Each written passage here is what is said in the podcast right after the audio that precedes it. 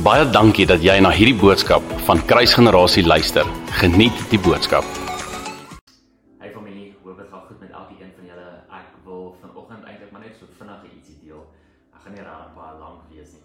Um in Johannes 4 sien ons hierdie gedeelte waar Jesus by die put gaan sit en waar die Samaritaanse vrou na hom toe kom en die hele verhaal wat daar afspeel en um terwyl ek tuis van deur met die Here breek hy vir my soveel goeders oop. Daar's soveel goed wat ek vir julle wil wys en wil leer uit dit uit, maar ek het letterlik 'n uur nodig, so ek gaan dit nie kan doen nie. Ek sal iewers dalk um daaroor daar preek, maar die gedeelte wat ek wil uitlig is hierdie vrou het so 'n amazing encounter met Jesus en so 'n amazing encounter met sy liefde dat dit gemaak het dat 'n hele dorp ver verander het. Um in in Johannes 4 vers 28 en 29 hoor jy wat staan daar? Daar staan the woman then left her water pot. Met ander woorde, dit wat sy gaan gaan doen het, daar sy het gegaan om water te gaan kry met haar waterpot. Maar sy so geoverwhelmed deur Jesus se liefde dat sy letterlik net vergeet van van dit wat sy daar wou gaan doen het. Sy vergeet haar waterpot net daar, sy los hom net daar. En sy gaan na die city toe en sy sê and said to the men, come and see a man who told me all things that I ever did. Um could this be the the Christ? En dan gaan dit verder as jy nou aanskiet 10 verse verder in vers 39, dan staan daar and many of the Samaritans of that city believed in him because of the word of the woman who testified he told me all that I ever did.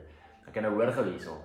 Hierdie vrou het 'n encounter met Jesus en haar hele lewe verander as gevolg van die feit dat hy vir haar alles vertel. Hy sê vir haar wat fout is. Hy sê vir haar dat hy al dat sy al met 5 mans was en dat die persoon met wie sy nou is nie haar man is nie. Met ander woorde, sy lewe in sonde. Maar hy ontmoet hom met soveel liefde. Sy voel nie verwerp nie, sy voel nie gejudge nie.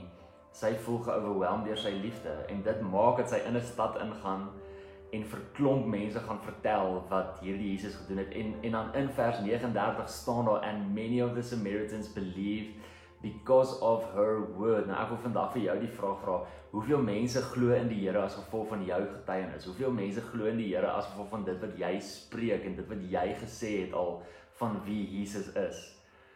Maar dan wil ek jou ook uitnooi dat dit nie goed genoeg is ook nie. Dit is nie goed genoeg vir my om te glo in Jesus as gevolg van iemand anders se woord nie. Dit is nie goed genoeg vir my om ehm um, vas te staan en my hele lewe vir die Here te gee as gevolg van iemand anders se getuienis en as gevolg van iemand anders se encounter met die Here nie. Ek het nodig dat ek my eie encounter met liefde nodig het. Kyk gou in vers 41 staan daar and many more believed because of his own word. Met ander woorde as gevolg van Jesus se eie woorde het baie meer begin glo. And then they said to the woman, Now we believe, not because of what you said, for we ourselves have heard him, and we know that this indeed is the Christ, the Savior of the world. Ja, dit is my so amazing. Weet hier is hierdie hele hierdie hele stad, hulle gaan na Jesus toe en hulle encounter Jesus. En die oomblik toe hulle Jesus encounter, toe kom hulle na die vrou toe en sê hulle vir die vrou, ons glo nou in Jesus nie as gevolg van jou woord nie, maar omdat ons homself beleef het. En kan ek jou dalk ook uitnooi, hier's dalk van julle wat kyk en in Jesus glo um as gevolg van iemand anders se woord, as gevolg van 'n goeie preek, as gevolg van 'n pastoor. Dis nie genoeg nie. Ons moet op 'n plek wees waar ons self Jesus kan ontmoet. Ons moet op 'n plek wees waar ons self hom kan encounter. Ons kan nie net reageer op 'n ander woord nie, maar die amazing ding is is dat hierdie vrou letterlik die saad geplant het. As dit nie was vir hierdie vrou nie, as dit nie was vir haar eie encounter met liefde en as hierdie encounter met liefde ehm um, wat gemaak het, sy is nie 'n evangelis nie, sy het gegaan om water te gaan haal. Sy's 'n diensknegt, sy's 'n diensmeisie. Maar ewe skielik het sy so groot encounter met liefde dat sy vir die hele dorp gaan vertel. Ek meen Sy's nie 'n pastoor nie, sy's nie 'n bekende nie, sy's nie die burgemeester nie. Sy's net 'n diensknegt, maar sy het 'n encounter met liefde en sy bly nie stil nie. Sy gaan vertel die hele dorp en die hele dorp luister na haar en as gevolg daarvan het die hele dorp hulle eie encounter met Jesus. Kan jy imagine?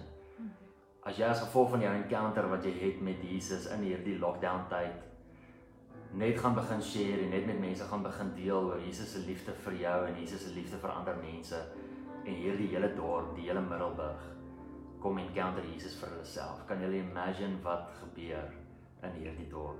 En ek wil jou daarmee challenge.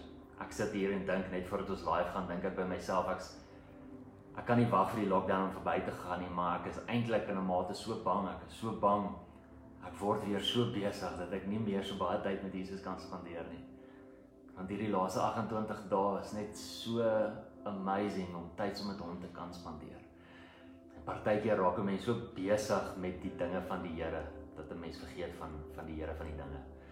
En ek wil nie daar wees nie. So kan ek jou challenge deel met die liefde wat jy ervaar het deel dit net met iemand. Stuur 'n WhatsApp, stuur 'n SMS, 'n Facebook page of post. Stuur 'n e-mail, bel iemand, praat met iemand waar ook al jy is. Deel net Jesus se liefde dat dit die vermoë om letterlik jou hele stad te verander. Vader in die naam van Jesus, kom ons na U toe. Ons is so oorweldig deur U liefde, Here. Dankie dat U liefde ons kom kry net waar ons is.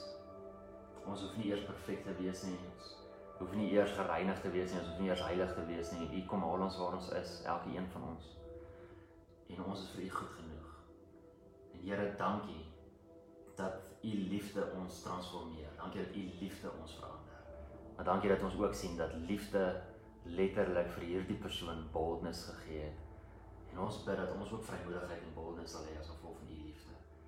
En dat ons nie sal stil bly nie. Ons sal nie stil bly oor dit wat U vir ons gedoen het nie. Ons sal nie stil bly oor U liefde vir ons nie. En my gebed is Here, red ons dorp. Red Middelburg. Mag almal in Middelburg U ken. Mag U naam op almal se lippe wees. Mag U naam gegraveer wees op almal se harte. En van hier af, Here, mag U ons land red. Mag Suid-Afrika 'n encounter hê met die koning van die konings God van liefde. Ons eer U.